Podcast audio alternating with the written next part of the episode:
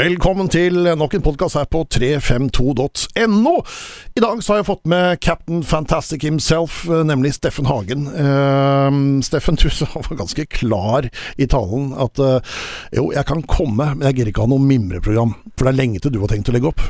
Ja, det Jeg har i hvert fall ikke tenkt å gjøre det helt enda, og jeg prøver ikke mimre for mye og se meg for mye tilbake mens jeg holder på. Det, det handler om å leve i nuet, eh, tenke på de oppgavene man har eh, nå, og de som er foran oss, og fokusere på det. Eh, så kan du heller mimre over hva man har oppnådd og ikke oppnådd når det, når det, det en dag er ferdig. Ja, det blir noen sesonger igjen. Hvor lenge skal du spille fotball, forresten? Det vet jeg ikke. Jeg har jo Det er litt sånn rart å snakke om akkurat nå, for jeg har jo følt meg som var 20. Mm. Uh, men så plutselig så uh, Så fikk jeg en skade i kneet her. nå var ikke det en skade som bare skjedde sånn helt ut av intet. Det var jo en ytre påvirkning som gjorde det, så det var ikke bare at jeg begynner å bli gammel. Men plutselig så kjenner man at noe i kroppen ikke fungerer helt, og da begynner man jo å bli litt sånn Ja, lurer på, lurer på om en blir som når han var 20 igjen. er du redd for at du er over the top nå? Nei, jeg er ikke redd for det. Ehm, jeg var, jeg var, jeg var litt redd eh, når jeg kom inn fra treninga og kjente at det var noe galt i kneet. Ehm, la meg på, eh, på benken inn hos fysioen og ba han sjekke kneet, for det kjentes ut som det var noe galt. Uh, ja, også, hvordan kjentes det ut? Hva, hva, hva var følelsen? Nei, det, jeg skulle ta av meg fotballskoen og sokken. Eh, så eh, var det vondt i kneet å holde igjen beinet når jeg skulle dra det, dra det av meg. Så skjønte jeg at eh, jeg hadde fått en, en trøkk. Um, kjente litt når jeg gikk opp trappa fra banen og inn i garderoben. Så um, Så sjekka han kneet um, og tok sånn korsbåndtest på å sjekke vandringa, uh, hvor mye kneet vandrer fram og tilbake. Og det så ikke bra ut. Mm. Um, vi hadde akkurat trent en veldig lang og hard økt, så jeg var veldig sliten, og så Ja, Mush Bakenga sa vel at det var tidenes hardeste økt på Odd? Ja, og dette var det siste som skjedde. Så uh, jeg var sliten, og vi skulle ha noen dager fri, for det var landslagspause, og så, um, så skjedde det helt på slutten, da. Det siste som skjedde, og så så kjentes det Eller så så det ikke bra ut. Um, Anders, som er fysioen, han uh, sa at uh, det, det, er korsbåndet, sa han. Uh, han syntes det kjentes ut som det var både fremre og bakre, for det var så mye vandring. Um, og veldig forskjell fra, fra, høyre til venstre, så um, Da må jeg innrømme at han mente det var 90% sikkert at det var korsbåndet. da gikk jeg litt Da gikk jeg litt i kjelleren.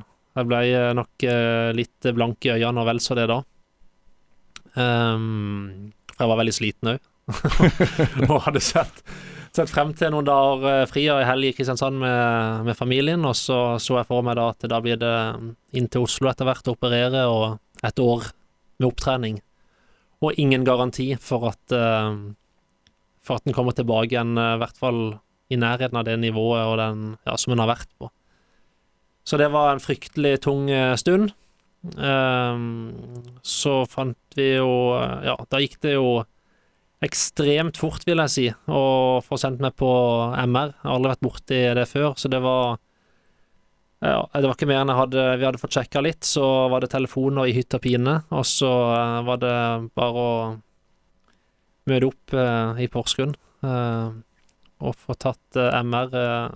ja, jeg rakk så, så vidt å kjøre ned før, uh, før timen, så um, var det en kjapp MR. Ti minutter cirka. Jeg har vært vant til mye lengre MR-bilder enn det. Så uh, spurte jeg pent uh, hun dama som, uh, som geleida meg inn, om, om hun hadde lov til å si noe om hvordan det så ut, eller om Jeg vet jo at det er ikke hun som skal skrive rapporten og tyde bildet, men om hun, om hun hadde noe peiling på hvordan det så ut. Så uh, heldigvis var hun i, uh, i godlaget og, uh, og med, den første som kom med gode nyheter og sa at ja, med, for, med alle forbehold så, så ser det fremre korsbånd helt fint ut. Oi. Uh, men uh, det bakre korsbåndet, der, uh, der er det en forandring eller væske, så der ser det ut som det kanskje er noe, da. Men hun syns ikke det så ut som det var røket, da. Så det var jo en kjempebeskjed å få. Um, i, oppi all driten, da. så uh, uh, Mens jeg satt i bilen opp igjen, så Fra Porsgrunn så ringte Anders igjen og sa at de hadde fått svar allerede. Uh, så det var jo veldig hyggelig at det gikk unna. Det Mens jo, du satt i bilen på vei fra Porsgrunn tilbake til Skien? Ja, så hadde, han, hadde, de fått sendt det til han som skulle tyde det, og så så bekrefta han egentlig det som hun hadde sagt. Og det var jo veldig gode nyheter. Um, så, men det som var litt viktig med å få kjappgang i det, da, var jo at det var et sånn vindu for Bossmann-spillere som stengte da samme kveld eller kvelden etter. Kvelden etter, kanskje. Så de fikk jo en jobb å gjøre med å prøve å få inn uh, en ny spiller uh, til min posisjon, da. Så uh, det var litt derfor det hasta òg, og de uh, trøkka på litt, da. Men hva, hva er gærent med beinet ditt, da? Det er en skade på det bakre korsbåndet i venstre kne eh, som eh, må gro. Eh, men det er ikke snakk om operasjon. Eh, og eh, ja, det er når sånne bånd og ja, skal gro, så er det ikke akkurat der det er mest blodgjennomstrømning, eh, som i en muskel, eksempel. Så det tar litt tid. Og det det må vi bare gi det. Ja, Men nå har det gått noen uker. Hvor, ja. hvordan ser det ut nå? Nei, det er jo gått uh, Det er jo gått fem uker i morgen. Um, det er blitt mye bedre, men det er fremdeles uh, hevelse og væske i kneet som gjør at uh, jeg kjenner litt når jeg gjør visse bevegelser. Og det båndet òg kjenner jeg Når det er lite væske og jeg skal bevege meg, så kjenner jeg at det er noe galt der fremdeles. Okay. Så jeg uh, hadde kanskje håpet at det skulle være litt bedre nå, etter fem uker, men uh, ja, det er enda Hvis jeg blir klar uh, om en måned, så er det fremdeles eh, noen viktige kamper igjen som jeg kanskje kan bidra i. Altså, du mener sjøl at du kan spille mer i 2020, eller?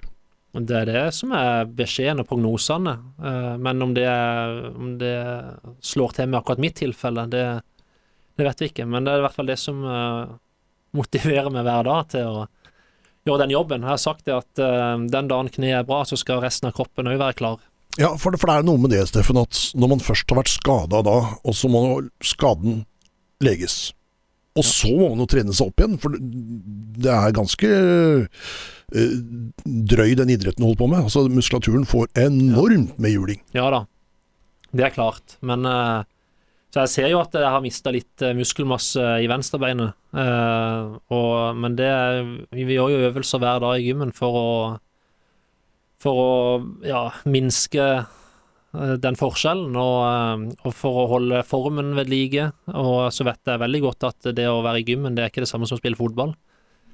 Men uh, da må man stole på at man har rutine og erfaring, og at man har gjort det man kan gjøre for å holde kroppen ellers i form, da. Så det er det som er motivasjonen, at jeg skal komme tilbake igjen før jul og, og spille plager knærne noe i hverdagen? Altså sånn, jeg skjønner at det gjør det, for du får ikke gjort jobben din, men, men, men sånn i det daglige?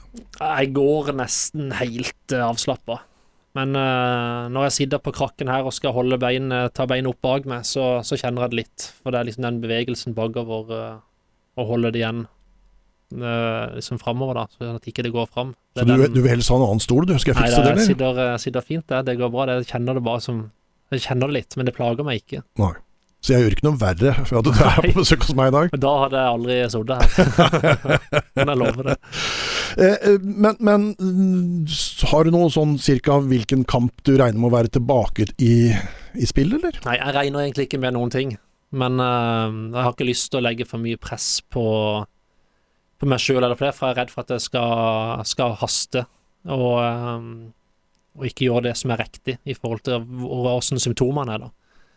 Så eh, nå er det Om det blir eh, Om jeg kan spille mot eh, Strømsgodset hjemme, eller eh, en av de tre siste som er på seks dager, jeg blir klart en av de, eller om ikke det blir noe, så, eh, så blir det det det blir. Eh, det er det er kroppen og kneet som bestemmer. Jeg har ikke tenkt å ta noen som helst sjanser. Da Da kommer det en ny sesong neste år som eh, kan bli veldig spennende. Mm. Jeg har prøvd å gi skylda på skaden øh, til øh, Fredrik Sem, jeg.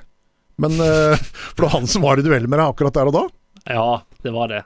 Eh, Men det var begge to som kjempa om ballen, og eh, så fikk jeg han over meg etter hvert, og da ja, på en eller annen merkelig måte så greide kneet eller beina å sitte igjen i gresset, og så ja, vrei det tydelig. Jeg merka ikke at jeg hadde vondt i knærne når jeg reiste meg opp etterpå.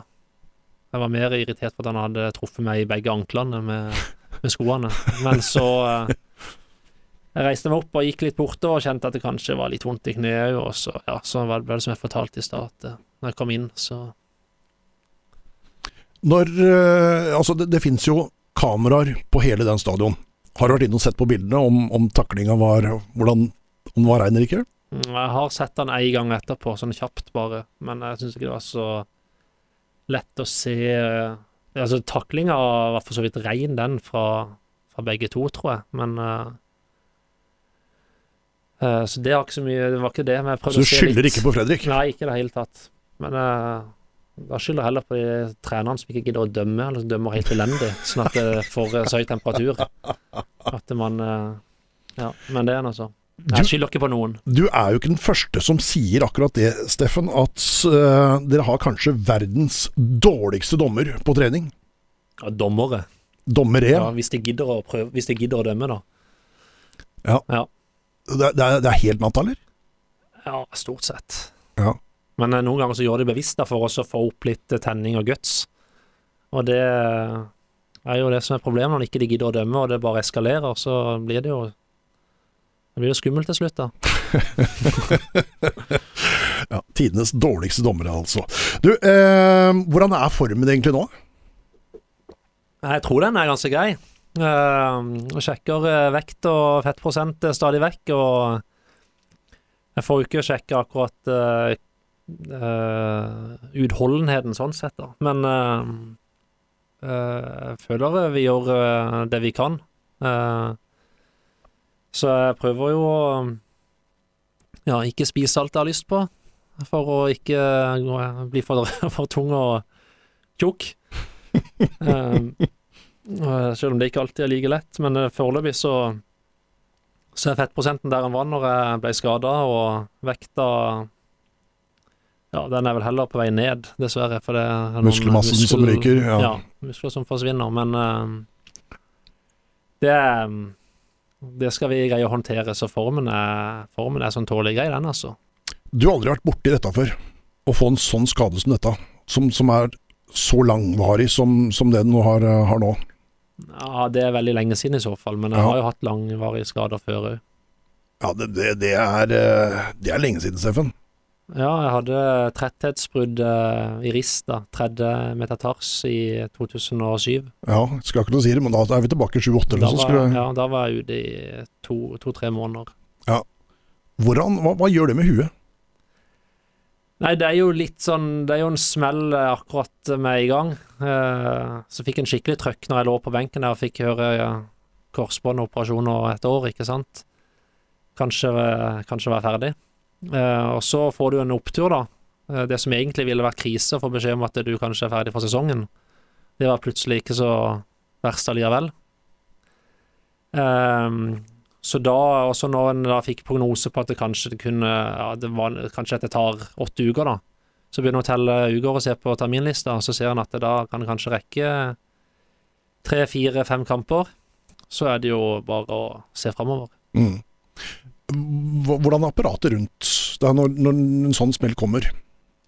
Så Blir man mye aleine, eller er man, har man noe system som fanger, man, fanger seg opp? Nei, det har jo snakka ganske kjapt eh, med Mikkel om hvor vi må legge fokuset, hva vi må eh, passe på. Um, Mikkel Fillingsteds Marker. Ja, som uh, Så der har vi jo Det var jo blant annet det med å være obs på spising, ikke sant. Eh, Obs på trening. Eh, fokus. Tenk positivt. Eh, ikke sant. Og ta noen grep der. Sånn at ikke du går og graver deg ned og driter deg ut på sånne ting. Finne ting som motiverer deg. Og så eh, blir det jo mye tid med Anders. Eh, eh, dama til Anders kaller jo meg for eh, Jeg vet ikke om det var elskerinna hans, fordi vi er så mye sammen. Jeg er litt usikker på om det var bare meg, eller om det var jobben generelt han bruker så mye tid på, men eh, jeg henger i hvert fall mye med Anders, Ja. så han følger meg veldig opp. Så jeg, eh, jeg tror jeg har vært én dag alene i, i gymmen. Ellers så har stort sett Anders vært der, eller Mikkel, men mest Anders. Eh, så- Anders med verdens letteste steg. ja. Nei, så det er- Der har det vært eh, det, det vil jeg si kanskje har vært noe helt annet enn hva det var for ti år siden. Mm. Det apparatet rundt og oppfølginga. Mm. Det er godt å høre. Eh, og så sier du det, det var et overgangsvindu der sånn. Eh, du blir skada, langtidsskada, og så tikker inn en melding på mobilen til Jan Frode Nordnes om at Odin Bjørtuft er skada også, på U21-samling. Ja, Da brenner det litt i treetasje på Skagerrak Arena. ja, da Da syns jeg synd på Nordnes. Ja. Um, Og, og da, da, da er det bare fri, frispillere, altså gratisspillere, folk som er uten kontrakter man kan, man kan hente, eh, i Ja. det overgangsvinduet som var igjen da. Ja. Uh, der er ikke utvalget stort, du. Nei, der er det, der er det vanskelig. Så uh, da tror jeg de uh, benytter seg av, av mange forskjellige Ja, alt det de har av nettverk, tror jeg. Mm. Og så, så lander man på Rasmus Minor Petersen. Ja. En spiller som da har lagt opp, og Ja. som spilte sin siste fotballkamp i juni. Mm. Det tar litt tid å få han i gang også. Det gjør det. Nå eh, Nå har ikke jeg vært eh, på feltet eh, sammen med han, eller sammen med de andre. Jeg har, stort sett, eller jeg har vært på feltet et par ganger, og det har vært sammen med Anders. Så eh, jeg har ikke fått sett han. Jeg har ikke fått sett de kampene han har spilt heller. Men eh, det sier seg vel litt at hvis han hadde vært helt eh, klar, og, og så hadde vel han sannsynligvis spilt. Mest sannsynlig. Og det har han jo ikke gjort, så da ikke. trenger nok han litt eh, tid. Mm. Ja. Eh, og så spørs det da hvor eh, lang tid det tar å få han i 100 i gang. Om det tar såpass lang tid at uh, da plutselig er kapteinen eh, Steffen Hagen klar igjen. Ja, og så syns jeg jo eh, Vebjørn har takla det veldig bra å spille midtstopper òg. han eh, er jo en eh, Han kommer seg, er det lov å si det? Ja, det er det lov å si. Jeg syns han klarer seg bra, så Det er jo Jeg har alltid hatt, vært veldig imponert over spillere som kan spille i, i mange posisjoner. Og det er en ting, jeg kan spille i alle posisjonene bak, men det å kunne spille back og stopper og alle posisjoner på midten og sånn, det, det behersker ikke jeg, og det vet jeg hvor vanskelig er. Så det, det var litt det samme som vi hadde Joakim Våge Nilsen òg. noen sånne spillere som kan bekle forskjellige posisjoner, det, det er veldig verdifullt eh, noen ganger å ha i laget. Hva er gull for en trener, i hvert fall, å ha i laget. Ja. Eh, vi prater litt om Vebjørn Hoff, vi. Mm, Er du en sånn type som sitter og ser på kampene til laget ditt når du ikke kan være med sjøl? Det er Ja, selvfølgelig. Du har sett de kampene som har vært? Ja, det er nødt til. Eh, jeg må jo si at han har kommet seg, Vebjørn Hoff, men eh, Sarpsborg-kampen ah, hadde jeg mye vondt av. Ja, du tenker på cornerne, da? Jeg tenker litt på corneret, Ja. eh, hvor han mister da markering to ganger. Ja. Og den ene gangen blir det livsfarlig, den andre gangen blir scoring. ja. Eh, og så blir Odin Bjørtuft dratt litt for langt over til eh, høyre mot Espen Ruud, og så følger ikke han etter. Mm. Eh, og det blir noe enorme rom i Midtforsvaret. Som det er Guds lykke at ikke Sarpsborg utnytter eh, bedre. Ja. Og så er det litt med det at ikke falle av når uh, kommer uh, spillere rusende mot deg med ball i beina, uh, og litt sånne ting. Altså, jeg syns det var en fæl kamp. Terningkast to, altså, på, på den her. Ja, det, akkurat det med å markere på, på corner er jo Det var De prøvde jo å sperre litt der og sånn, og Vebjørn fikk en som Fikk vel en av de beste hodespillerne de hadde. Men Så der må man jo være litt Da må være litt på hugget da, når det at du ser at det kommer sperrer og sånn. Da må du Ja, og så to ganger! Gikk på samme, samme Ja. finta to ganger også. Men ja, så det er jo Da må man Ja, det er, vi, det er jeg veldig vant til, da. Og at Så vi prøver jo å enten bytte, uh, sånn at det er den som sperrer Den som markerer han som sperrer, da, tar over. Eller så må du løpe rundt sperra og ha litt mer avstand. Så det Men det kunne, det kunne, det kunne Vebjørn eh, gjort. Altså, det kunne skjedd, og det kunne skjedd med hvem som helst, nesten. eh, uansett om han har spilt på midtbane eller ikke. Så, ehm, så det går litt sånn på akkurat de situasjonene og den kampen, hvem man får og hvilke trekk som blir gjort. Så var det Vebjørn som eh, fikk til den kampen. Mm. Men, Eh, men, Men de andre situasjonene som du nevner, det er jo sånn som Ja, sånn som man eh, må erfare litt, da, og bli litt eh, vant til. Eh, Så det var jo det første jeg sa til, til Nordnes, når det at eh, jeg skjønte at det her er Her er jeg ute lenge. Eh, Og så var jo Espen òg ute til den neste kampen der. Og så kom John inn som ny venstreback, så da var det jo veldig mye nytt. Og da det var det første jeg sa, nå må vi spille veldig mye formasjon. Altså, ha mye formasjonstrening, drille fire år, så de blir kjent med hverandre. Og, og det tror jeg de gjorde. mm. Så um. Så jeg syns Ja, jeg er helt enig i at han, eh, at han blir bedre og bedre. Eh, og det er jo litt på at de blir bedre og bedre sammen òg, kjenner hverandre mer, ikke sant. Så så er det, jo en, det er jo en situasjon hvor Odin òg må, eh, må vokse opp litt og ta litt mer eh, Ja, ansvar utover bare seg sjøl, da. Det er nemlig det. For at eh, Odin har hatt øh, Og han er en junior ennå. Altså han, han er øh, spiller på U21-landslaget. Altså, øh, han har jo hatt privilegiet å ha deg som har spilt altså da snart 500 kamper for Odd ved siden av seg. Og kan, du kan styre den, du kan fortelle den 'nå går vi, nå går vi ikke, nå faller vi av'. Og Odin, så har Odin. Espen på den andre sida. Og så har du Espen på den andre sida. Ja.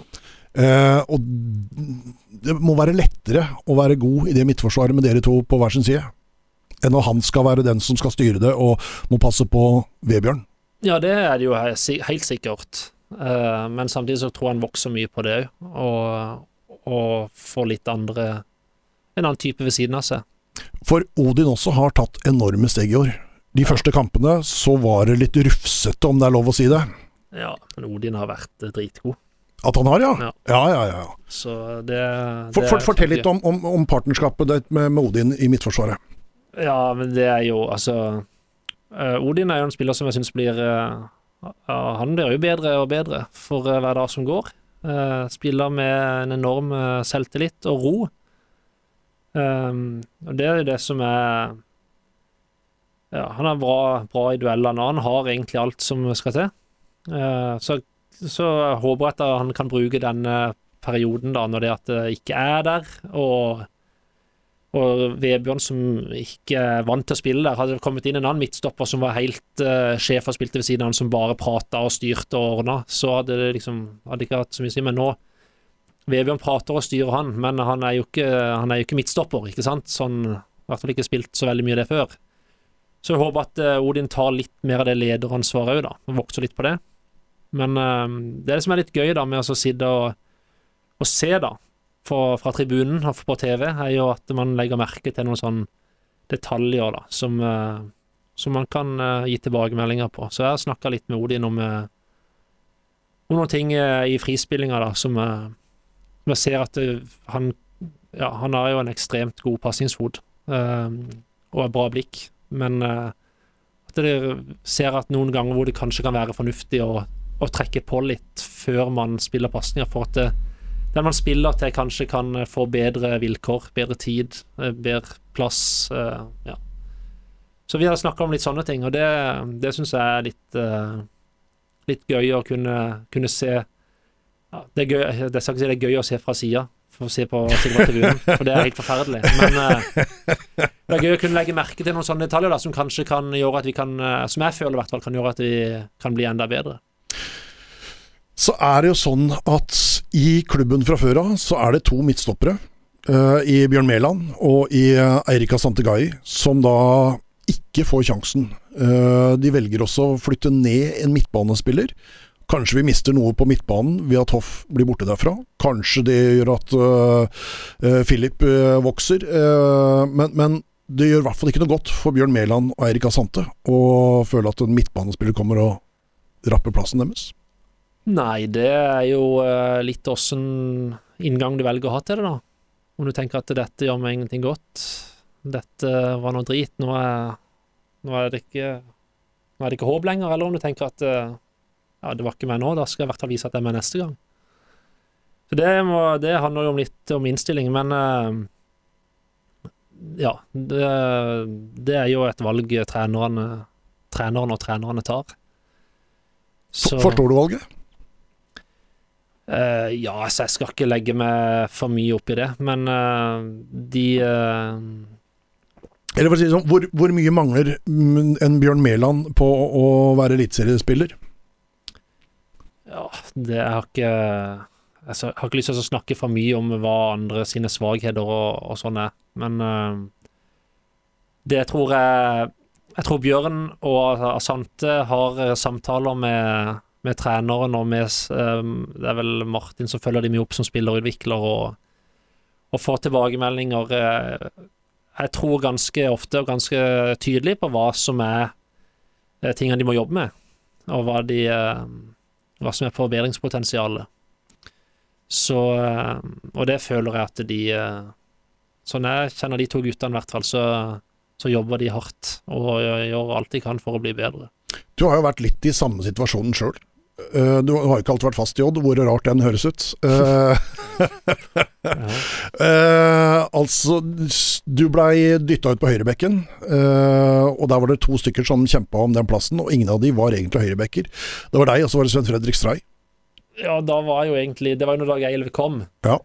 Jeg var jo Jeg fikk jo spille mye før han kom, da. Jeg, var ikke, jeg skal ikke si at jeg var fast under Sandstø, og, Nei. men jeg var fast til tider. Mm. Uh, hvordan, hvordan, kjennes det egentlig sånn når, når man nei, mister plassen sin til en annen midtstopper eh, som spiller ja, høyreback? Ja, altså Dag Eilev han eh, så meg jo eh, som midtstopper da når det han kom, så det var jo der jeg måtte kjempe om plassen. Eh, for han mente Han hadde sett et par kamper fra sesongen før ved kvaliken, og mente at jeg var for treg og, og sleid. Um, så uh, Ja, så var det for så vidt uh, greit nok, det. Så da var jeg midtstopper, og um, Dag Eilev uh, var jo en helt annen trenertype enn det jeg var vant til. så jeg sleit med å takle den autoritære stilen. I tillegg til at Så jeg spilte med høye skuldre. I tillegg til at han ja, var glad i uh, eldre spillere. Jeg vil ikke legge skjul på det. Uh, det var det han en måte hadde suksess altså, med. Godset var jo det eldste laget i ja, Eliteserien. Det var det han hadde litt sånn suksess med i Godset, med å børste støv av og skremme liv i uh, noen uh, spillere som var litt på vei ned, men som hadde gode ferdigheter. Så han uh, foretrakk jo å spille med ja, til tider i hvert fall med Torjus og Fevang. Feva, ja, Fevang spilte indreløper, da. Ja. Eh, men Anders Rambekk, eh, Torjus Hansen eh, I hvert fall de to, eh, spesielt eh, på hjemmebane, for han mm. mente at det var dårlige frispillinger. Og det og dårlig ball. Og det er du jo når du har høye skuldre og er stressa. Mm. Selv om det egentlig var en av mine styrker. Så men jeg fikk spille en del Jeg fikk spille de, mot de beste lagene. Da fikk jeg spille, for jeg mente jeg var god defensivt. da. Det var jo Så jeg fikk jo spille de, de tøffeste kampene. Men da var det så jeg fikk jo skylda Hvis vi slapp inn et mål, så fikk jeg jo skylda uansett hvor, hvor jeg sto på banen. Men uh, Så det var et uh, for så vidt et tøft uh, år, men så, så skjedde det noe mot slutten av høsten. Så hadde jeg en prat med en ja, om han var agent eller eh, men i hvert fall en eh, som var litt sånn rådgiver, og vi ble enige om noen eh, teknikker for å takle det. Og så fikk jeg sjansen på høyre back, og da var det bare å glemme alt og kjøre på. Og siden så du ikke tilbake. Så så jeg ikke tilbake, så spilte Ja, så spilte jeg hvert minutt i over fire år. Ja, Det var helt sjukt. Eh, helt sjukt. Du, eh, som kaptein da, eh, hva sier du til en Bjørn Mæland som kanskje er nærmest å spille av de som ikke spiller? Ja, nei, jeg har ikke sagt eh, så mye til Bjørn. Um, jeg føler ikke Ja, hvis han lurer på noe, så må han jo komme til meg og spørre, men eh, de eh, Det er ikke sånn at jeg går som kaptein går og så snakker med alle gutta hele tida. og nå er jeg jo i tillegg litt sånn trener for meg sjøl, eller med de, noen andre som har eh, skader eller utfordringer da i gymmen, og så Du og Fredrik Sem, da, med andre ord. ja, så Elias har vært der litt, og så, men Sembe er så lei av det styrket om at han prøver å holde seg unna. Ja, han er kvalm av det greiene der, altså. så det er jo ikke et vindu der inne, vet du, så det er jo ikke Men foreløpig så er, har jeg Føler jeg har bra trøkk i, i treninga. Men uh, ja, nei, jeg sier ikke så mye til, til Bjørn. Uh, de eh, må De må jobbe med de tingene som de ja, føler de har utfordringer med, og så Eller føler de tu- utfordringer, føler de har forbedringspotensial med, da. Men, men, men tror du ikke du da som mm, etablert eh, spiller, kaptein eh, og vært igjennom, har enorm med erfaring, at du har et eller annet å kunne bidra med der i en sikkert en ganske vanskelig situasjon for disse unggutta? Jo, det kan godt være. Eh, men jeg kan kan jo sikkert bekrefte Bekrefte og hjelpe de på veien med det som som de, som de får beskjed om eller føler de må bli bedre på. Og så så vet jeg at Mikkel snakker mye med de guttene om eh, å holde fokuset på de rette tingene. eh, og, og jobbe med det. Så Og intervjuer jeg har sett med Bjørn, så ser det ut som han har det. At han har kontroll og har fokus på det han Det- skal holde på med. Det tror jeg. Så han eh, Ja, både han og Asante, de, eh, de jobber hardt. Eh, De eh, Ja, de kommer stadig vekk ned i, eh, i gymmen eh, etter trening, og når jeg fremdeles holder på, så eh, i- Nå skal jeg ikke si at det er i gymmen de har eh, forbedringspotensial, men, men eh, de, de står i hvert fall på. Ja. Mm. Du, eh, du er jo i garderoben, selv om du ikke er ute på feltet. Eh, så har det kommet inn noen nye spillere nå. Ja. Som du helt sikkert har blitt eh, mer eller mindre kjent med, de som har kommet inn. Ja, det, det har jeg jo. Men eh, heldigvis så er de mest på banen, og ikke så mye hos meg. Men eh, ja, blir kjent med hvordan type er han eh, Rasmus Minor Petersen? Han er jo en veldig rolig og uh, voksen type som har uh, Som har kone og barn og har utdannelse og uh, veldig uh, avslappa og ja, jeg vet, ja, virker som en fornuftig og voksen type, da. Mm. John Kitolano tilbake igjen. Ja. Eh, han sier sjøl at det var uh, føltes som jeg ikke har vært borte i det hele tatt. Ja, han har jo ikke kone og barn og utdannelse. så, eh, så han har eh, i hvert fall begynt å ta noen kjøretimer, og det er jo bra. Oi, altså det, dere. Ja, Så det går jo framover. Ja. Uh, nei, jeg syns John har vært uh, meget bra etter han uh, kom tilbake igjen. Eh, mot eh, Viking syns han var helt, eh, helt rå. Ja, han var det. Han var eh, fantastisk der. Eh, merker du det i garderoben også, at han føler som at han ikke har vært borte i det hele tatt? Ja, han bruker i hvert fall akkurat like lang tid som han gjorde før. Så eh, at ikke han syns det er spesielt godt med varm mat, det er i hvert fall helt tydelig. Ja, det er kaldt innen han kommer opp. Ja, ja, ja. Det, hvis han får mat i det hele tatt. Er det sveisen og alt, eller? Nei, jeg vet, den, altså, det er jo ikke mye til sveis, spør du meg.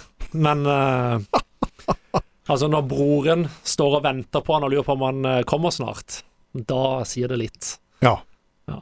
For Josh er ganske treig sjøl. Ja, det er i hvert fall ikke noe eh, lyn eh, til, å, til å komme seg ut av garderoben. Eh, Vladimir Rodic, hva slags type er det? Ja, han er jo en veldig utadvendt type, som prater fra første dag. Det virker ikke som han har noe som helst problem med å komme inn i en eh, ny garderobe. Eh, prater, styrer, hilser, eh, tuller og eh, Ja. Så han, eh, han sklir jo rett inn og tar kontroll og ja, styrer showet. Styrer showet. Ja. Eh, til tider også styrt showet på banen. Eh, veldig opp og ned i prestasjoner så langt i sin Odd-karriere, men eh, toppnivå er ikke noe gærent med, virker det som. Ja, helt enig. Eh, han eh, har jo kommet inn som et for så vidt et friskt pust. Så jo at han Ja, var vel Ålesund som var første kampen hans at han trengte jo å komme litt inn i det, han òg, med, med laget. Så Ja, han må Det er jo det som vi må prøve å få stabilisert på et høyt nivå. Og ha, når du er kant og har god Eller har høy selvtillit og kunne angripe og få overtaket på bekken.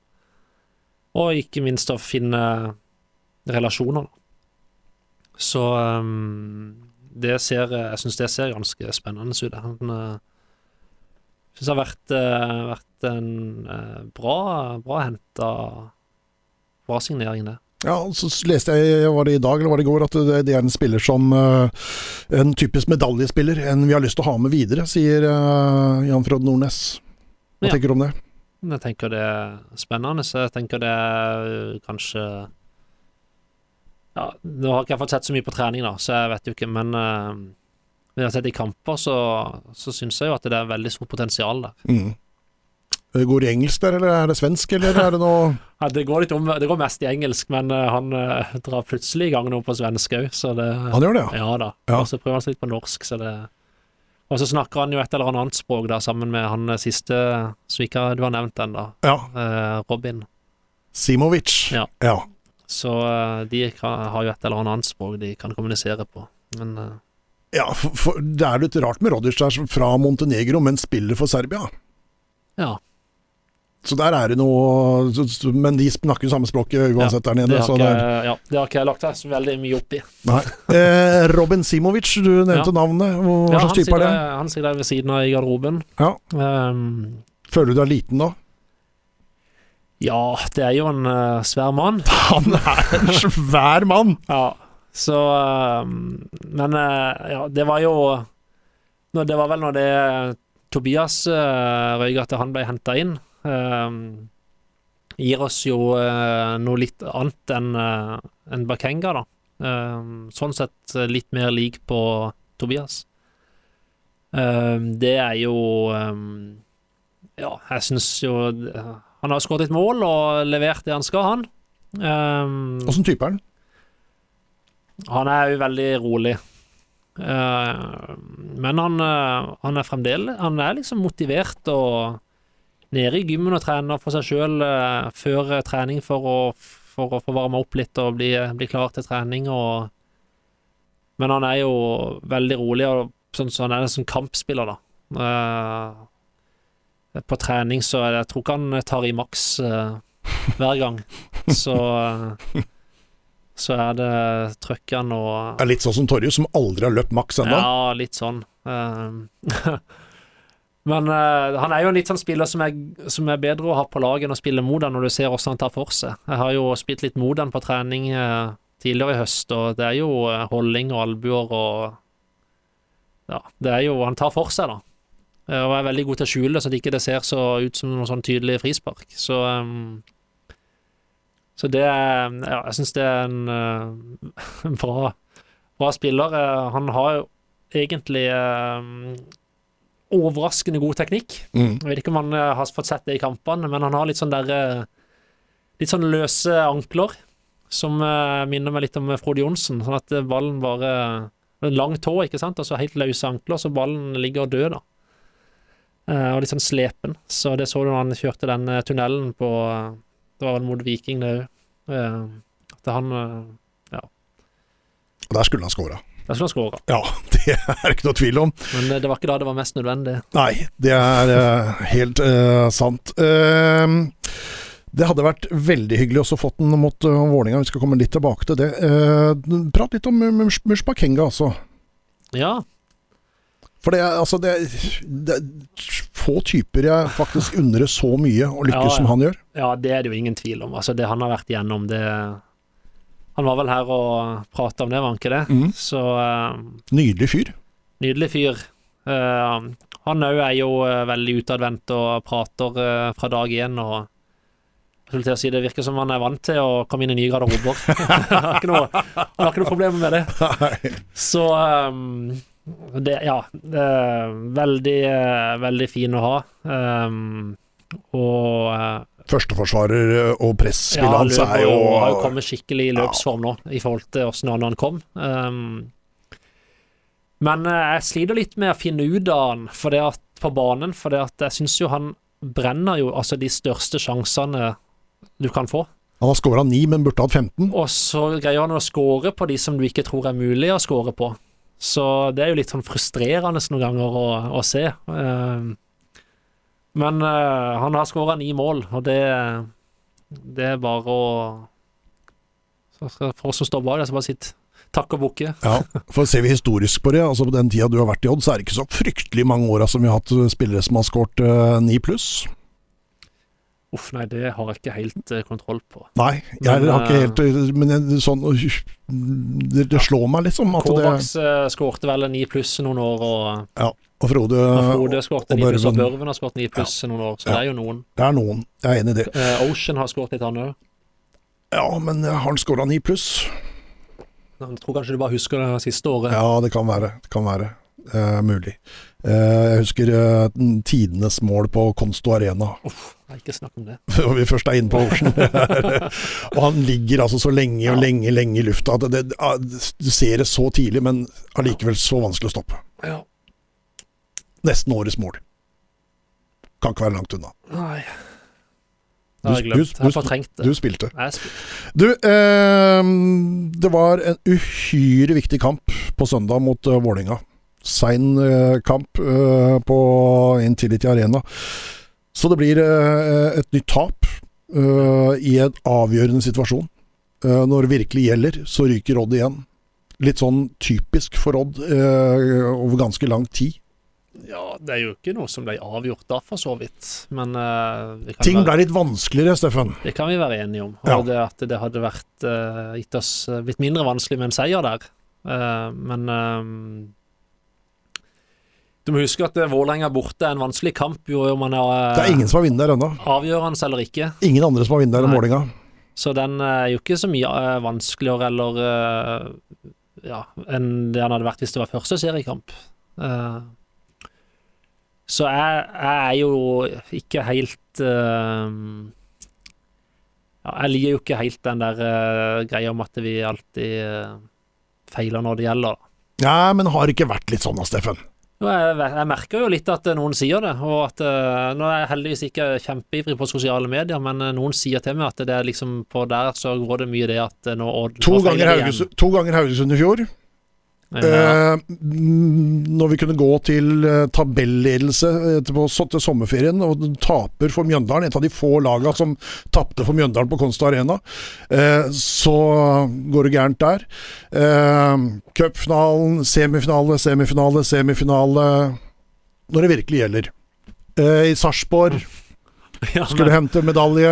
men når du sier cupfinale, så betyr det at de har vunnet en semifinale òg? Ja, én. 2014. ja. Ja. Da vi endelig fikk hjemmebane. Ja. Nei, eh, da du endelig fikk hjemmebane mot Haugesund. Haugesund var Ja, hjemme, men eh, endelig! i 2014 var det jo etter de der fire semifinaletapene på rad, så Ja. da var det, greide du å trekke bortebane fire år på rad. Ja. Det er jo ganske godt gjort. Ja, det er det. Det er det. Men, Men, men, du er ikke eh, enig med meg, altså? Det som jeg har sagt litt før, at uh, alle kamper på veien dit er jo avgjørende. Ja. Sånn at uh, det er jo ikke Altså jeg, syns, jeg skjønner hva du mener, men uh, Og at vi Jeg tror jo jeg kan være enig i at det har vært uh, kanskje litt sånn der fokus på at man må ting noen ganger. Men det at, det at man har tatt to bronsemedaljer som man aldri har gjort før jeg ser på det som at jeg har vunnet en bronse, ikke som at jeg har tapt en sølv eller gull. Um, og så er det klart at i fjor, når det at du har ligget på andre- eller tredjeplass eh, gjennom hele sesongen omtrent, og så mister han i siste seriekamp på målforskjell, så er jo det bittert. Mm. Men uh, da var det det vi hadde inne. Haugesund borte. Det er ikke akkurat uh, kjempetradisjon. og Det er ikke noe lett kamp uansett om det er avgjørende kamp eller ikke. Nei. Så det er liksom det er Vi har tatt sånn jeg semifinal, semifinalen der òg, vi. Ja, da var jeg skada, så da var jeg ikke med. Ja, det var derfor, da. Men eh, Nei, det var det ikke. Ikke derfor. Men uh, Haugesund hjemme i semifinalen, det er en kamp vi skal vinne. Vi Mm. slo de jo i serien. Så uh, Men uh, det er jo sånn det er. Fotballkamper vinnes og tapes, og det er ikke matematikk. Er det for lite fokus på det mentale i uh, toppidretten? I Odd? Eh, Tja Eh, Jeg tror nok det Jeg skal ikke si hva som er det rette mengden fokus, men at det, det er blitt mer fokus på det nå enn det det var, har vært i mange år. Eh, Dag Eilev eh, har jo styrt i tolv år, og han var ikke noe eh, veldig fan av å sette for mye fokus på det. Eh, mens når jeg kom til Odd, så hadde de jo veldig eh, troa på Da hadde de jo leid inn Hans Rygve Kristiansen, og hadde jo kjempeerfaring med det fra året før jeg kom, når de lå desidert sist og var nesten nede til sommeren. Så kom vel han inn, og samtidig som det kom noen spillere inn òg, Det kom ganske mange gode spillere inn Ja. akkurat der og da. ikke sant? Ja. Så uh, Tommy Svindal og Patrick Suffo var vel uh, Blant- blant de. blant Mm. de. Eh, og så ble det lagt om formasjon, og så ble det Ikke sant? Så det Men han, eh, Hans Trygve fortsatte jo litt uh, året etterpå òg, med mange av de samme tingene. Jo, men er ikke det, er ikke det en sånn der krisehåndtering? At nå går det dårlig, nå må vi gjøre et eller annet? Er det ikke bedre å holde fokus på det her sånn hver dag? Sånn som de store klubbene ute i Europa gjør? Jo, men det var vel det de prøvde litt, da, når det at eh, det kom en ny sesong. For, for det nytter ikke å ringe Frank Beck hver gang du ligger sist på tabellen, liksom. Nei. Uh, og det var vel det de prøvde litt på da jeg kom og skulle starte starte ny sesong. Det var syv-åtte nye spillere. Eh, men da Ja, vi havna på kvalik, da. Mm. Da vant vi jo Den gikk ganske bra, den. vant vi jo faktisk noen avgjørende Ja. kamper. Vi gjorde det. Tarjei Dale var i sitt ess uh, Ja. akkurat i den perioden der. Så, ja, men så, eh, så har det blitt mer fokus på det nå, da. Han Mikkel har tatt med seg noen tanker inn der, og så har han vel fått uh, utfolde seg enda litt mer i år, kanskje. Eh, men det er litt sånn, det er ikke alle spillere som syns det er digg å ha for mye fokus på det heller. Og det er liksom, du må ha litt troa på det. Eh, Du må tro at det er noe å hente der, hvis ikke så kan du nesten bare la være. Da blir det bare forstyrrende. Så, eh, så jeg får svaret svare på det om det er for lite eller for mye fokus, så er det vanskelig å si. Men du, jeg er veldig tilhenger av at fotball skal spilles på intuisjon òg, da. Du skal tenke minst mulig når du spiller. Eh, men så er det kanskje det, Det er vel et eller annet med en oppladning av da. Ja, og så er det kanskje det å sørge for Kanskje ha noen eh, prosesser som gjør at du tenker mm. minst mulig når du spiller. Mm. At ikke du går og tenker konsekvenser, men tenker oppgaver, ikke sant. Mm. Og det har jeg troa på at det er viktig. Mhm. Men uh, For, dere har en veldig stor ressurs på huset i Louise Holte Rogers, som da jobber daglig med f.eks. Ayer i Celtic. Ja. det har jeg fått med meg. Men så har klubben valgt å bruke Mikkel til det, Mm. sikkert. Og hvorfor og hva som har skjedd i de prosentene, det har ikke jeg peiling på. Ikke jeg heller. Nei. ikke jeg heller, Steffen. Eh, ikke i nærheten. Du, eh, sånn fra kapteinens ståsted og øyne, hvordan er ståa i klubben akkurat nå? Sånn generelt sett, i Odd?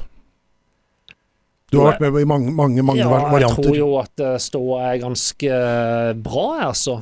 Ehm, vi greier å henge med i toppen. eh, spille viktige kamper. ehm, noen ganger vinner vi, noen ganger taper vi.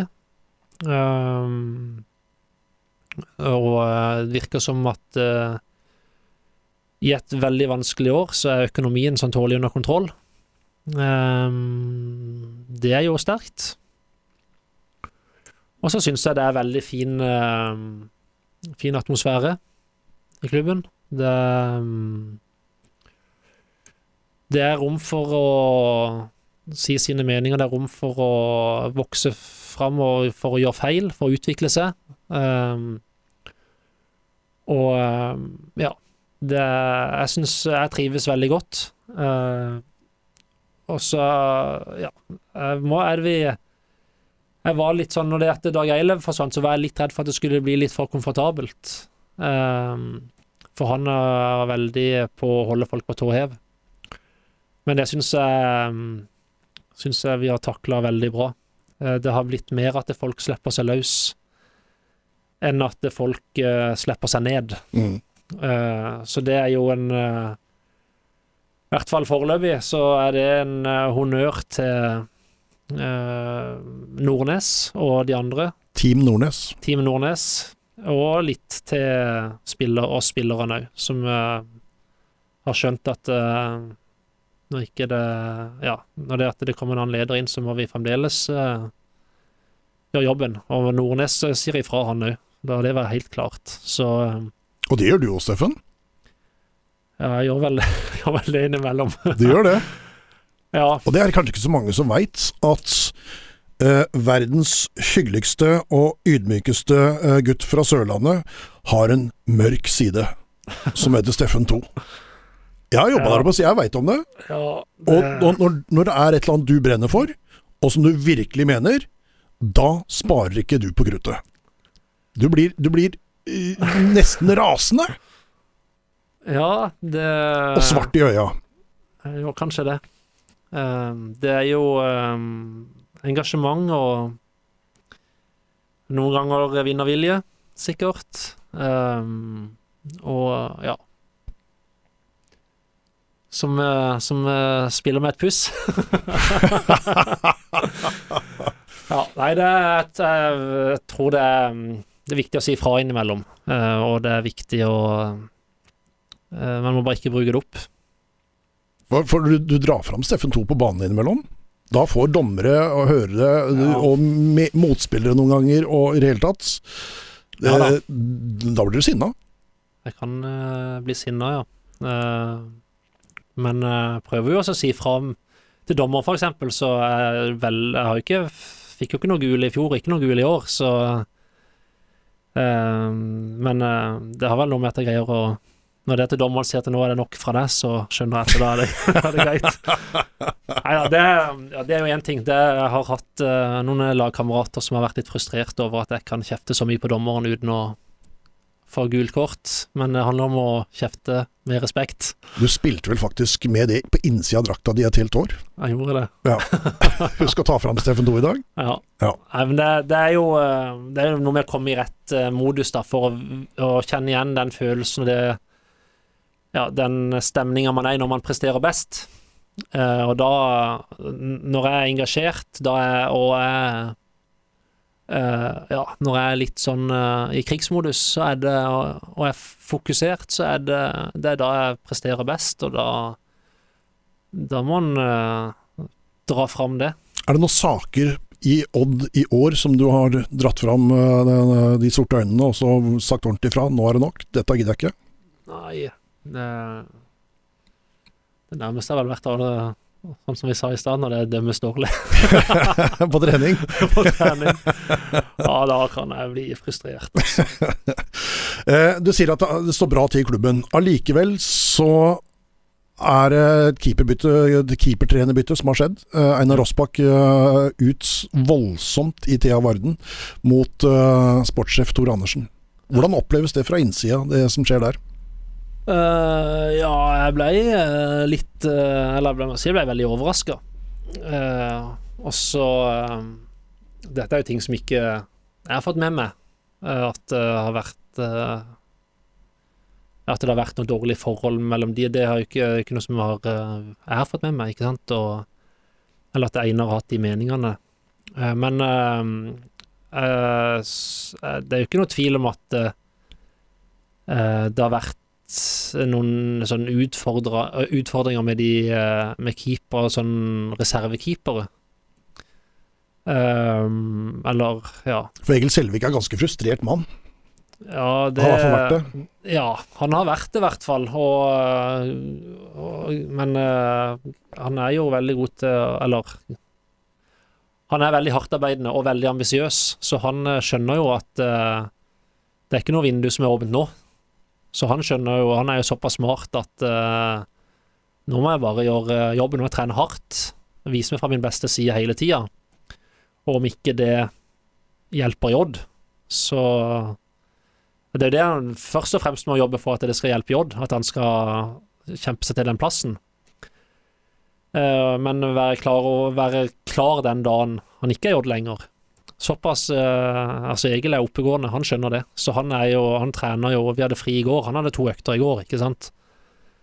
Så um, jeg er ikke så bekymra for akkurat det, men um, det er jo Det er jo kjedelig, for uh, hvis han føler at han har blitt Altså, man har blitt lova ting, eller hva det er for noe. Men uh, det, det, er jo kjedelig at vi har to, Vi har to så gode keepere, da. Ja, det er kjedelig. for da blir, da blir, det trøbbel.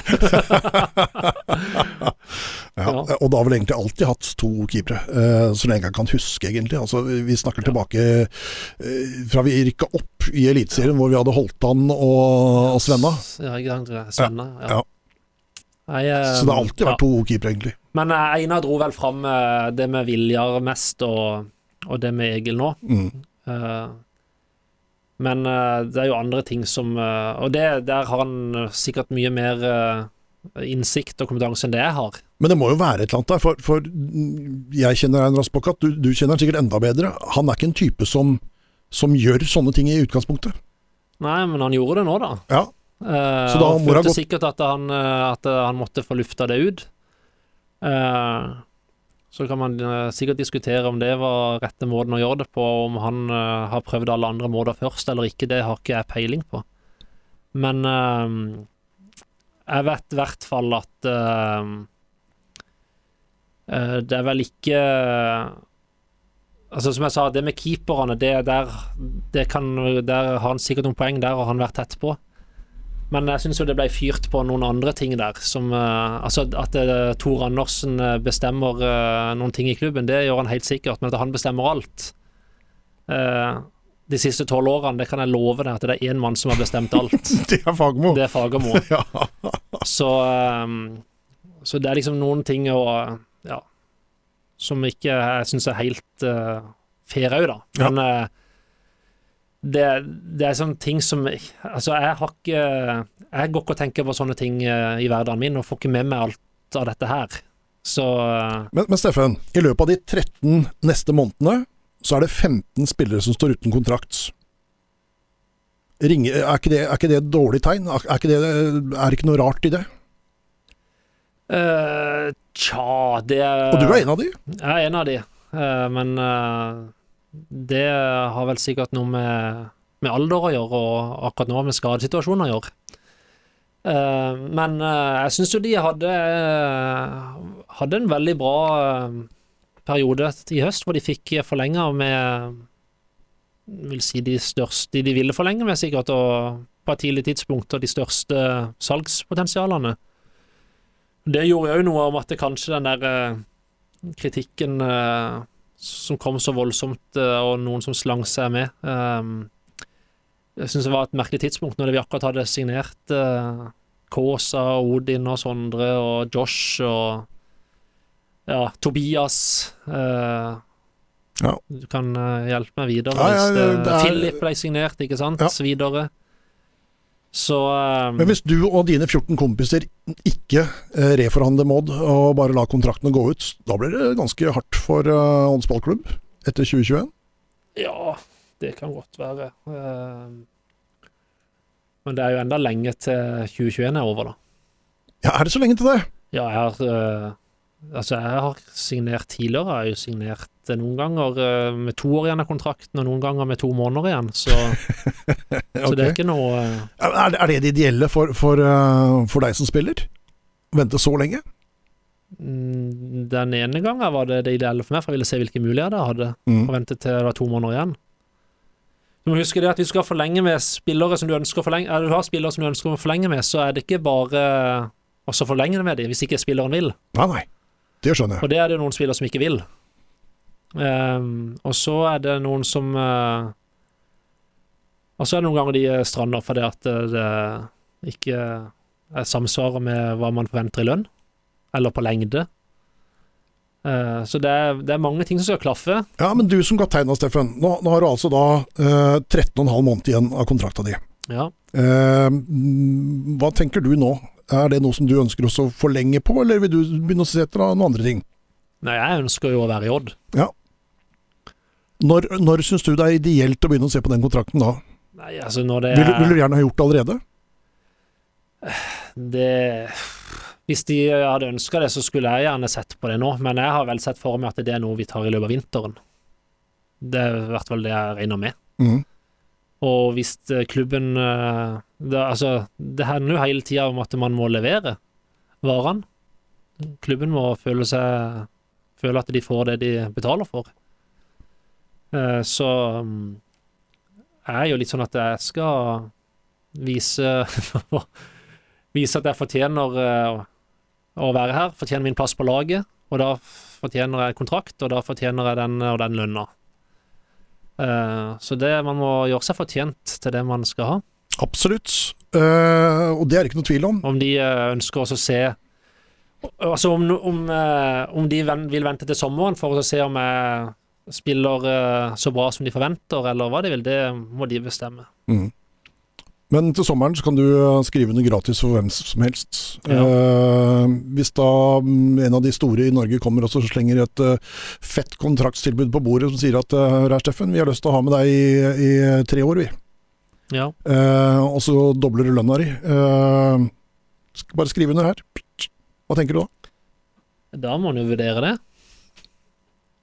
Som er Men hvis du hadde skrevet under kontrakt i dag, så hadde ikke det vært noe, noe å lure på i det hele tatt. For da, da, da hadde de ikke hatt lov til det. Nei, nei, men det må jo være noe For det første er det lenge til sommeren eh, fremdeles. Eh, og så er jo det vi må jo, Det må jo Nordnes og Tore og de som sitter der oppe, vurdere. Mm. Om de føler det er noe eh, Har dere pratet noe om det? om Din kontrakt? Din framtid?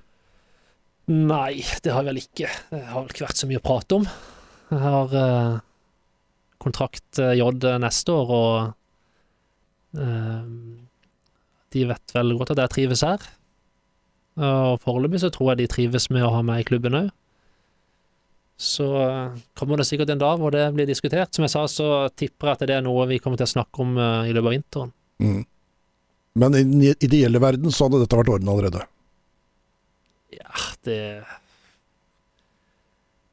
Jeg vet ikke. Det Ja, eller nei? Nei, det tror jeg er helt individuelt fra tilfelle til tilfelle, men for min del så Akkurat nå er jeg jo skada. så Så du må jo si at jeg blir bra igjen fra den, ikke sant? Ja. Nei, det er ikke noe, jeg føler ikke det er noen noe fasit på sånne ting. Nei. Um, så jeg, ja, jeg er 34 år òg. Um, Bare barnet. Ja, Bare ja, guttungen, det er Steffen. Det er bare guttungen det, Steffen. Må du ikke tenke på. Eh, det er mange som eh, tippa at Odd eh, ikke skulle ha så bra sesong i år som eh, det de faktisk har hatt. Ble tippa på veldig lav plasseringer for å være Odd. Eh, noe av det laveste vi har sett på mange år. Eh, hva har skjedd? Nei, det er jo eh, klassisk at eh, At eh, folk tror at det står og faller på én person. Mm. Eh, men eh, det viser seg veldig ofte i fotball at det ikke gjør det. Det står ikke og faller på uh, Verken Børven eller Fagermo? verken Børven eller Fagermo, for det kommer nye spillere inn og tar over. Det kommer nye trenere inn og tar over. Det så du det sto ikke på meg heller, når det at jeg ble skada. Etter tre kamper så hadde vi tatt eh, syv av ni poeng. Etter fire så hadde vi tatt syv av tolv. Ikke sånn eh, steingalt. Um, så det er jo bare det som har skjedd, at eh, når noen forsvinner, så trer andre fram. Det var det jeg sa klart og tydelig, at uh, når det Børven forsvinner, det var så mye jeg fikk spørsmål og telefoner fra journalister hele tida. Skal vi sette opp et tabelltips med Børven og et uten? Så sa jeg det må du gjerne gjøre, men uh, vi har Det kommer andre til å spille etter når det, han stikker. Vi har Tobias, vi. Og så henter vi Bakenga. Og så henter vi uh, ja, Så det, det kommer alltid nye. Henter vi Robin og det at eh, Tobias røyk ankelen. Så det um, Så lenge man har jeg tror det er veldig viktig å ha en kontinuitet i bånn, da. Og vi har jo eh, Det er jo ikke akkurat sånn at det har kommet inn en ny trener med ny formasjon og ny spillestil, og alt skal være Og nytt støtteapparat og alt. Her er det jo bare detaljer som er forandra på. Hva er På forskjellen, noe som, som fungerte i fjor, og har fungert i mange år. Hva er forskjellen på mm, Odd under Fagmo og Odd under Nordnes? Det, det er jo at eh, Det er jo litt forskjellige typer. Litt annerledes lederstil. Uh, Dag Eilev var jo veldig opptatt av å være autoritær. Vise at han var sjef. Eh, og bestemme. Ta avgjørelser sjøl. Mens eh, Jan Frode er, er mer eh, opptatt av å ta avgjørelser i team. Eh, eh, og ikke så opptatt av å være sjefen. Han vil gjerne at er flere òg skal få være sjef. Um, og det er sånn i lederstil, da. Også på banen så er det vel bare at uh, det er, Han har prøvd å slippe opp i litt mer sånn frihet og litt sånn uh, løsere uh, bevegelsesmønster, spesielt på midtbanen. da. Og det er jo sånn som, uh, som ser genialt ut når det flyter, men som kan se ganske dumt ut når det ikke flyter. Så ja. Det er jo Det kan svinge litt. Det kan svinge litt. Men eh, jeg tror jo, sånn som det har vært i år, når det stort sett har eh, vært bra, så syns jeg, tror jeg folk syns det er gøyere å se på. Og Espen Ruud syns det var veldig morsomt å spille nå, kontra tidligere. Han har fått en ny glød og vår pga. det, sånn her på podkasten. Jeg tror, eh, jeg tror nok det er mange som syns det er litt gøyere å spille når det Spesielt de på midten. når de Kåsa spiller med lave skuldre, plutselig. Eh, Det er jo litt at han kan eh, Sånn som Kåsa, da. Han har jo blomstra veldig på et for en spiller som eh, jeg trenger å finne de rommene sjøl som han føler er fornuftige, og, og bryte opp i det. eh, Bryte opp i motstanderens uh, uh, spill med det. Uh, men samtidig så tror jeg Kaasa er en spiller som har hatt veldig godt av å eh, å kunne få lov til å å være seg sjøl, da, ikke, ikke bli tvunget inn i en rolle, og, eh, og få høre at uh, når han tar et steg utenfor rollen sin, så er det feil. Um, så det, han er jo en som har vokst veldig på dette, da. Mm. Ja, Det er det ikke noe tvil om. Er det noe ved Fagmo du savner i det hele tatt? Ja, det er det jo. Helt uh, sikkert. Helt sikkert. Som for Ja. eksempel Nei, men det var jo eh, Det var jo veldig greit å ha en uh, som eh, var tydelig, og som uh, tok litt støyten innimellom. og så var det um, Han var jo veldig god til å holde spiller på tå hev. Men du likte ikke starten, sa du? Nei, men det måtte han jo lære seg å takle. Mm. Måtte lære seg å gi blaffen i de tingene som uh, var hans sine svake sider, og så heller uh, benytte seg av det som han var god på. Det er jo å ha tydelige, tydelige roller. Vi skulle vite hva jeg gjorde, skulle gjøre. Eh, det har jeg jo likt, men jeg vil ikke si at jeg savner for det, Jeg skal ikke si at jeg savner det, men det var liksom hans styrker, da. For jeg, det syns jeg det er nå òg. Det er tydelig hva jeg skal gjøre. Ikke det jeg mener, men eh, Så jeg vil ikke si at jeg savner noe, men eh, jeg vil si at han, han hadde absolutt sine styrker, han òg, som, eh, som gjorde at vi eh, leverte så bra som vi gjorde i tolv år. Eh, du sa det i stad. Eh, du gleder deg veldig til neste sesong allerede. Det kan bli en spennende sesong, sier du. Ja. Hva mener du med det? Nei, det var jo i tilfelle sesongen er over for meg, som jeg har noe annet å fokusere på. Nei, jeg tenker at eh, det, er, det er viktig å å være um, For meg, da, så er det viktig å være positiv og, og se, se framover òg, for å, å være motivert og ha glød for å ikke for min egen del bare, men for å, for å få med liksom eh, gruppa, for å få med folk rundt, og, og ha tro på det de krav, og følge de kravene som er, som er nødvendige. da. Så jeg har jo veldig troa på det. um, Jeg syns jo det er dritgøy å spille med de, eh, de guttene som er der nå. Eh, og jeg syns det er veldig gøy å være på en måte en av de eldre som skal sette standarden og vise hva som kreves. Um, Ja, For de er det bare tre av. Det, det er deg, og så er det Ruud, og så er det Kvelde. Ja, og vi, er jo, vi har jo vokst opp litt med at uh, når det, det kommer opp unggutter, så Når vi kom opp som unggutter, så var det i hvert fall eh, noen av oss, og, og følte det noen ganger, at da var det de eldre, de Ja, vi, vi unge skulle få det tøft. Eh, og de følte kanskje at plassen ble trua noen ganger, eller at de eh, ja, hadde behov for å markere seg, at du kan ikke bare komme her, og her er det vi som bestemmer, og sånn. Eh, og jeg tror ikke Jeg tror ikke verken Espen eller uh, Kveld eller meg liksom føler at det, det var noe som gjorde oss eller laget så mye bedre, da. Så vi er vel ganske bevisste på at vi, uh, vi heller skal vise hva som kreves med å gå foran som gode eksempler, eh, og hjelpe og, og sette noen standarder. Så vi vi er vel ganske opptatt av å, eh, å være pliktoppfyllende for å være gode forbilder. Har dere prata om dette? Eh, litt. Mm. Og, sp- eh, ja.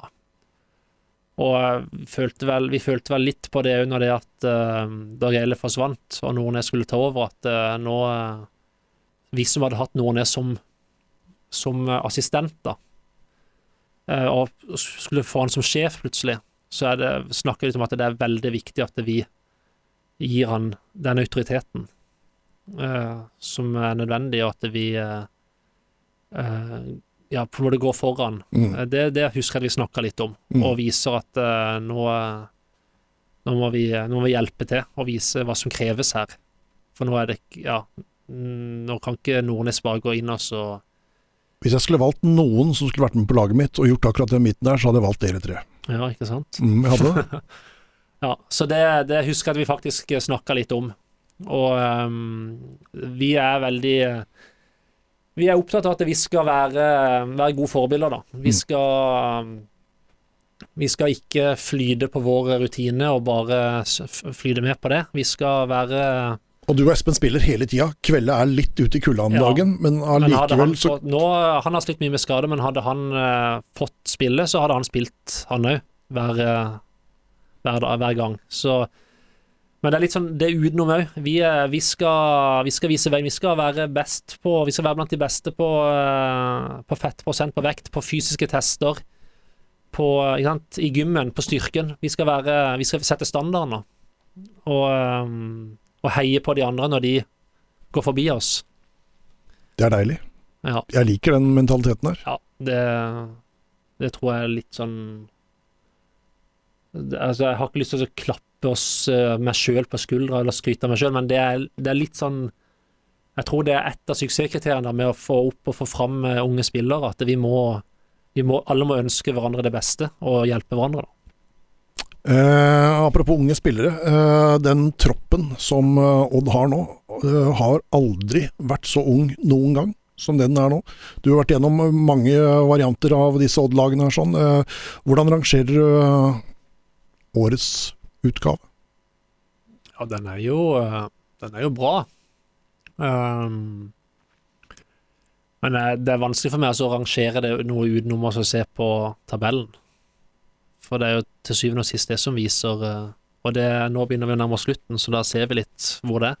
Men er det ikke litt sånn når man har alle disse unggutta, at det blir litt sånn som eh, Rosenborg i Champions League før de begynte å vinne? Altså De var med for å lære. Så gikk du på en smell, da. Så gikk det bra innimellom, så gikk du på en smell, da. På bortebane. Eh, men så plutselig begynner det her å sitte også, fordi man får mer erfaring, man blir bedre og sterkere sammen og den biten der. Er det ikke litt sånn med det laget i år, eller sier jeg feil? Jo, la oss håpe at det er sånn. At det bare blir bedre. Um, For jeg har aldri sett en Odd-generasjon som kan plutselig vinne med fire og fem mål i flere kamper. Nei, det var jo litt Det var jo litt nytt i år, da.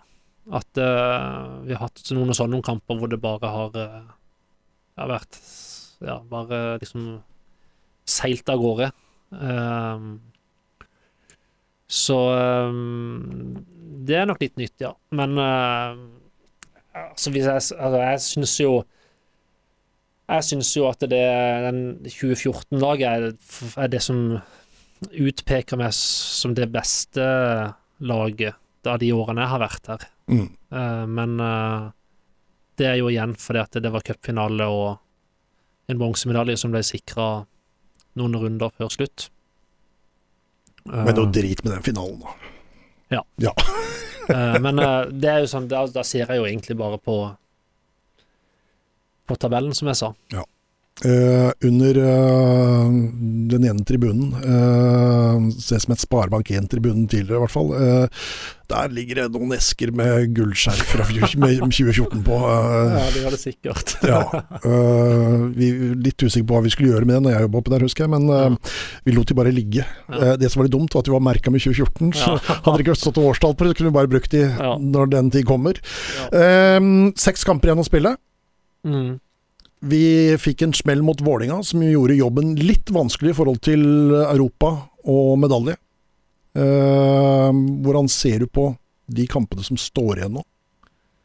Jeg ser jo på Start og Sandefjord nå i november. Ja, jeg syns jo det er gode muligheter. Um, ser ikke noe Ser ikke noe grunn til at ikke vi skal henge med helt inn. Men det er ikke sikkert at det holder engang å vinne alle seks til å få Europa. Uh, det er det. Ganske sikkert. Det er noen som skal møte hverandre her. Ja, Vålerenga og Rosenborg. ja. Vi møter Molde, av de som ligger oppe i toppen der. Ja. På Nei, ja. hjemmebane. Det skal nok eh, hardt eh, å holde Eller skal nok godt gjøres å um, å vinne alle seks. Men start hjemme, Sandefjord borte. Det er farlig å sitte og lage noe regnskap. Eh, Ja. Men på papiret så er det kamper vi kan vinne. Hjemme så skal vi vinne uansett. Mm. Om det er Start eller Molde eller Strømsgodset. Ja.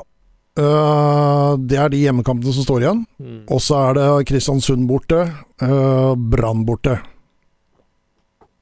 I desember. Ja. Hva tenker vi om de to? Det er jo uh, tøffe plasser å komme. Uh, vet jo aldri åssen situasjonen Brann er i Nei, på det tidspunktet. det blir spennende å se, faktisk. Og Kristiansund har jo vært veldig bra i år. Uh, de er jo ikke langt unna oss, De er ikke det? så uh, Ja, det blir uh, Det blir veldig spennende. Jeg håper eh, Blir Europa i 2021, Steffen? Det, Altså, med fjerdeplass så blir det vel Europa i en eller annen form. Ja, det gjør det. Uh, Men havner Odd der? Det er ikke godt å si. Gode muligheter. Gode muligheter.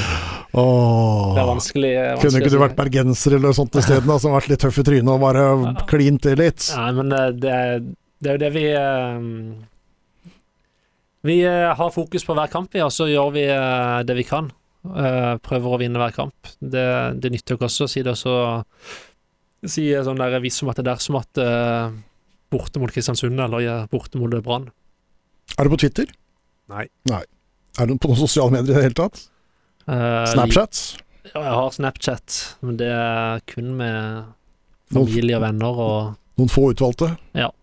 Ja. Eh, jeg la ut i går at du skulle komme i studio i dag. Eh, så pleier jeg også å legge inn der at eh, hva videre jeg skal spørre denne gjesten om. Så jeg har fått en del spørsmål der, Steffen. Skal vi gå gjennom litt spørsmål, og så eh, avslutter vi med det? Ja, fyr løs. Jeg har fått ifra en som heter Sten Mo, eh, som skriver her Dette er ganske dypt eh, spørsmål. Du har noe utypisk bakgrunn fra barn og ungdom, og har ikke gått den tradisjonelle veien til toppfotballen. Hva tror du det har gitt deg som person og fotballspiller, og har det hatt noen innvirkning på utvikling og motivasjon? Ja. Øh, når du tar det kjapt, da? At eh, bodde i Norge, hadde en eh, relativt vanlig oppvekst i Norge til jeg var ti år. Og så flytta vi til Madagaskar. Og bodde der i fem år. Og da spilte jeg jo eh, fotball en gang i uka. Um, i, eh, mens jeg gjorde veldig mye annet. Jeg spilte, var veldig aktiv. Jeg spilte tennis og sykla og kjørte trail og løp og volleyball og basket og mye greier. Men veldig sånn allsidig. Eh, I de årene som mange mener er fra 10 til 15, da, som mange mener er noen av de viktigste årene hvor du legger grunnlaget.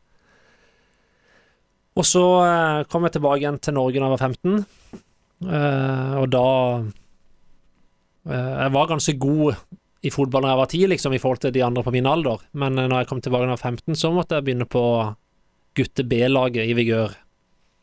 Jeg hadde ikke spilt noe særlig på stor bane før. Og, Vakre brune drakter. Ja, ja. Og gikk eh, liksom veien eh, der, da, fra gutte B til gutte A, til et veldig bra juniorlag, til å være eh, Ja, få litt innhopp i tredjedivisjon på to og et halvt år. Før det var to år i uh, Mandalskameraten i førstedivisjon, før jeg kom her, da. Så bare for å ta det kjapt. Ehm, så hva har det gjort med meg? For det er det som er spørsmålet. Ja, eh, hva tror du det har gitt deg som person og fotballspiller, og har det hatt noen innvirkning på utvikling og motivasjon? Ja, Hvis jeg tar på det med utvikling og motivasjon, da, så, så har jeg sagt til meg noen ganger at eh, siden ikke jeg spilte så mye fotball og gjorde veldig mye annet i de fem årene der, så, uh, så er ikke jeg liksom lei av fotball. Eh, og så passer jeg på å ikke se fotball på TV hele døgnet òg, da. Så jeg er ganske motivert, da. Syns det er gøy å trene, gøy å spille fotball fremdeles. og det kan jo ha noe med det å gjøre. Um, og når det gjelder utvikling, da, så uh, tror jeg jo at uh, kanskje um, den allsidigheten har gjort at jeg har uh, unngått en del skader. Mm. Um, og ja kun, Ja, det er, men kanskje det har aldri vært noe sånn teknisk vidunder. Det kan òg ha noe med det å gjøre. Um, Uh, så um, Det er kanskje det det har på, sånn det har påvirka meg, da. Mm. Men som, som person, person og, og har bodd i Afrika, så er det jo det Det som, som er litt sånn vanskelig å måle. Men uh, det er jo noe jeg er veldig glad for, og at jeg har fått oppleve det. Sett kontrasten i verden? Sett kontrasten i verden. Fått litt mer perspektiv på på livet og tilværelsen sånn sett, og sett liksom hva andre strever med. Um, at vi um, At vi uh, opplever korona her og må sitte på hjemmekontor eller må holde oss litt unna hverandre en liten stund, uh, holde en meters avstand, det er ikke akkurat det største problemet. Når det er at uh, en har sett åssen problemer andre har, eller utfordringer andre har. Så um, det er jo noen sånne ting da som gjør at Som jeg kanskje har påvirka meg. Mm. Fått et spørsmål fra en kar som heter Ole Martin Møllerstad. Mm. Jeg lurer på om kanskje du kjenner han til med. Ja. Uh, dette har litt med brødrene dine å gjøre. Uh, hvis du hadde blitt syklist, sånn som broren din er proffsyklist Ja, han har lagt opp nå. Han har lagt opp nå? Ja. Akkurat. Han var proffsyklist. Hva slags type rytter hadde du blitt? Hadde du vært en road captain-type, eller innbitt klassikerrytter, eller hjelperytter, eller? Nei, jeg hadde jo vært akkurat sånn som han var, sikkert.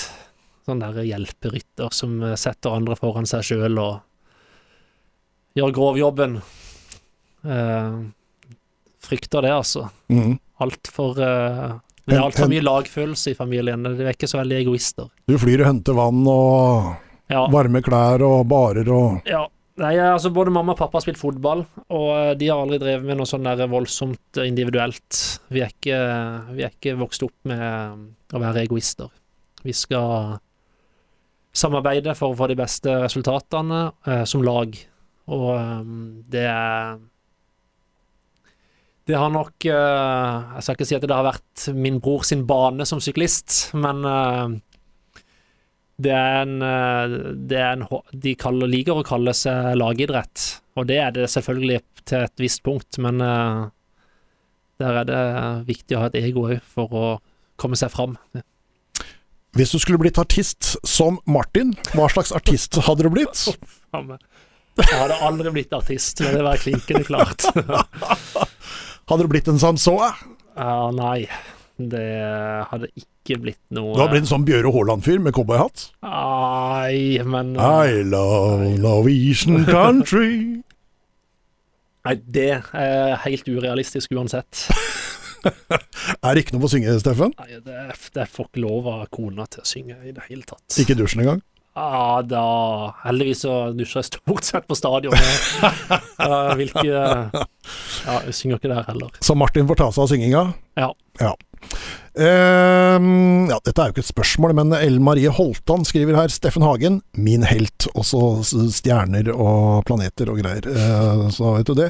Uh, så er det M. Tollnes som skriver her. Ehm, hvordan i alle dager klarte du å skade deg på et toalett? Ja. Det er en gammel historie. ja, det er gammel. Det er fra eh, 2007. Ja. Eh, før Før kvaliken mot Bodø. Ja, hjemmekampen. Eh, nei, det var jo bare eh, at eh, Ja, jeg hadde jeg har vært eh, Hatt perioder innimellom vært litt sånn stiv eh, i nakken og Og vært stiv i ryggen. Eh, det har nok eh, hatt litt med styrketrening og teknikk der å gjøre, og, og kanskje noe med at en har vært litt spent i Jeg vet ikke. I kroppen, at det har gjort at en har vært litt uh, gått litt anspent. Jeg vet ikke. Men i i hvert fall så Så satt jeg på do, og så skulle jeg tørke meg bak. Og da må en vri seg rundt, som du kanskje kjenner til. Og da satte det seg litt i ryggen.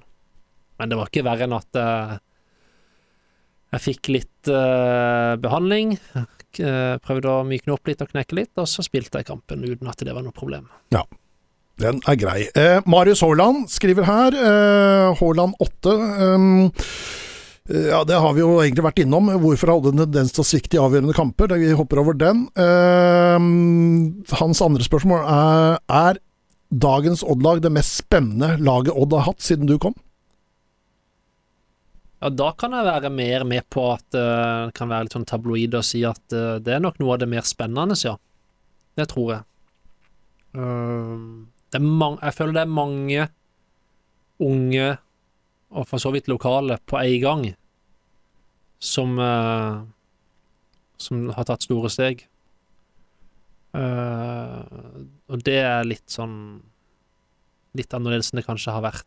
Det, vi har jo vært veldig gode på å ha lokale spillere, og, men nå er det mange unge på en gang, da. Mm. Uh, og det er liksom ikke bare Kåsa John, Josh, Kevin for en kamp han hadde da han uh, Ja. debuterte. Uh, og Ja. Philip på midtbanen. ja, altså det, det, ja, det kan være med på at det er noe av det mer spennende sånn sett, ja. Hvor god kommer Josh til å bli? Ja? Han, jeg syns han er veldig god allerede. Ja, det er han vel. Men hvor, altså, han er bare guttungen. 19 år. Hvor god kommer han til å bli? Nei, det får tiden vise. Det Gjenvinningsspillet og presspillet hans er jo i, i Mm. ypperste europaklasse allerede. Ja. merkelig ikke noen har eh, Han for lite sluttprodukt for- foreløpig. Ja, Det er derfor. ja det kommer seg, det. Det gjør det. Vi har sett det. Eh, Ehm, så er det Frode Sem som har flere spørsmål her. sånn. Eh, han skriver Hei, Steffen. Har du fått lest boka 'Den tredje mann' av Ragnar Kvam jr.? Boka om sjølveste Hjalmar Johansen. det skal jeg ikke skryte på meg at jeg har fått gjort, nei. Nei. Ikke noe lesehest. Så eh, jeg må bare beklage at det har jeg ikke fått gjort. Jeg har eh, Jeg har nok uh, litt for mange andre ting som jeg prioriterer foreløpig. Ja. Jeg leser litt andre ting. Skole og Skole. ja, Studerer du? Ja. Hva da? idrett. Idrett? Ja. Hva skal du bli når du er stor, da? Det vet jeg ikke. Vi får se, da. Hva skal du bruke studiet til? Jeg blir klok, da. Det er jo aldri eh, Kunnskap jeg aldri forakter. forakte. Nei. Nei da, vi får se. Men eh, jeg håper nok kanskje å få jobbe med Jobbe med noe fotball eh, på en annen måte på sikt. Det tror jeg hadde vært gøy. Ja. andre spørsmål hans, det har du fått svar på, Frode. Eh, hvordan er formen snart skadefri? Eh, det har vi prata om allerede. Jan Are Kittelsen har det siste spørsmålet i dag. Eh, interessant spørsmål. Eh, har jeg også lurt på flere ganger. Eh, føler du at du burde vært mer aktuell for det norske landslaget enn hva du har vært? Uh, nei, det tror jeg ikke jeg skal si at jeg føler. Uh, jeg har jo vært Du har vært eh, inne i fantastiske perioder, og ikke vært snakka om engang i landslagskandidatur. Ja, men jeg har, jeg har vært for så vidt på landslaget og fått vist meg i to perioder òg. Ja, men det har ikke blitt mer enn tre kamper. Nei, det har det ikke, men jeg var Jeg var jo var med veldig mye. Var med fast i troppen i eh, over et år, vel, i hvert fall. Eh, og fikk jo eh, Så jeg fikk jo vært med på mange, mange samlinger og Men jeg fikk ikke spille så mye. Det er ikke akkurat der man hiver innpå folk bare for oss å gi de minutter i Midtforsvaret. Nei, det er bare Jan Frode Nordnes det som har fått det. Ja. ja. Nei, så eh, det jeg tror jeg svaret er vel egentlig nei. Jeg har helt sikkert fått som fortjent. Som fortjent. Ja. Ja, og Liker å tro det. du liker å tro det. Ja. Ja, jeg tror du tar feil, Steffen. Eh, jeg syns du burde vært mer aktuell enn som så. Takk for alle spørsmål, eh, folk som har slengt inn på Twitter. Det setter vi umåtelig stor pris på. Eh, fortsett gjerne med det. Eh, kan allerede nå komme med spørsmål til meg på Twitter angående mm, Fredrik Nordkveld, som skal være min gjest til mandag som kommer. Har du noen spørsmål til Fredrik? Nei, de, de stiller han ved frokostbordet. Ja, de gjør det? Ja. Ja, det er greit. Eh, Da får jeg spørre deg litt etterpå om, eh, om du har noen gode historier som jeg kan eh, ta litt på, for det er alltid morsomt. Eh, Steffen, eh, lykke til med opptreninga Takk for det. og rekonvalesensen. Eh, 1.12. Er, er veldig snart. Ja. Er du klar? ja det, jeg kan ikke si at jeg har kjempetro på 1. desember, men Nei, ikke, ikke første, men uh, hva med Nå mista jeg den her sånn, skal vi se. Men hva med sjette? ja, da er det jo en gang Det, det, det er lov å håpe på det. Ja. For da er det godsekamp, og så er det uh, fire kjappe kamper egentlig på 13 dager. Ja, det er jo de tre siste på seks dager der som er jo veldig spesielt. 13, 16 og 19. Ja, Ja. Vi krysser fingrene, Steffen. ja det gjør jeg. Ja. Du, eh, halvannen time i Godvenners lag, det går styggfort, og nå er det søren meg allerede gjort. Eh, takk skal du ha, Steffen, for at du stilte opp. Eh, så håper jeg vi eh, ses på fotballbanen veldig snart. Og på mandag, da er det altså Fredrik Nordkveldet. Blir spennende å høre om han har bestemt seg for om han skal spille fotball videre eller ikke, for hans kontrakt, ja, den går ut, Steffen. Det gjør han. Nå, omtrent. Fem uker. Seks uker. Ja, i desember. Blir spennende å høre hva han uh, sier om kontraktsforhandlinger og den biten der. Sånn. Ok, takk for i dag.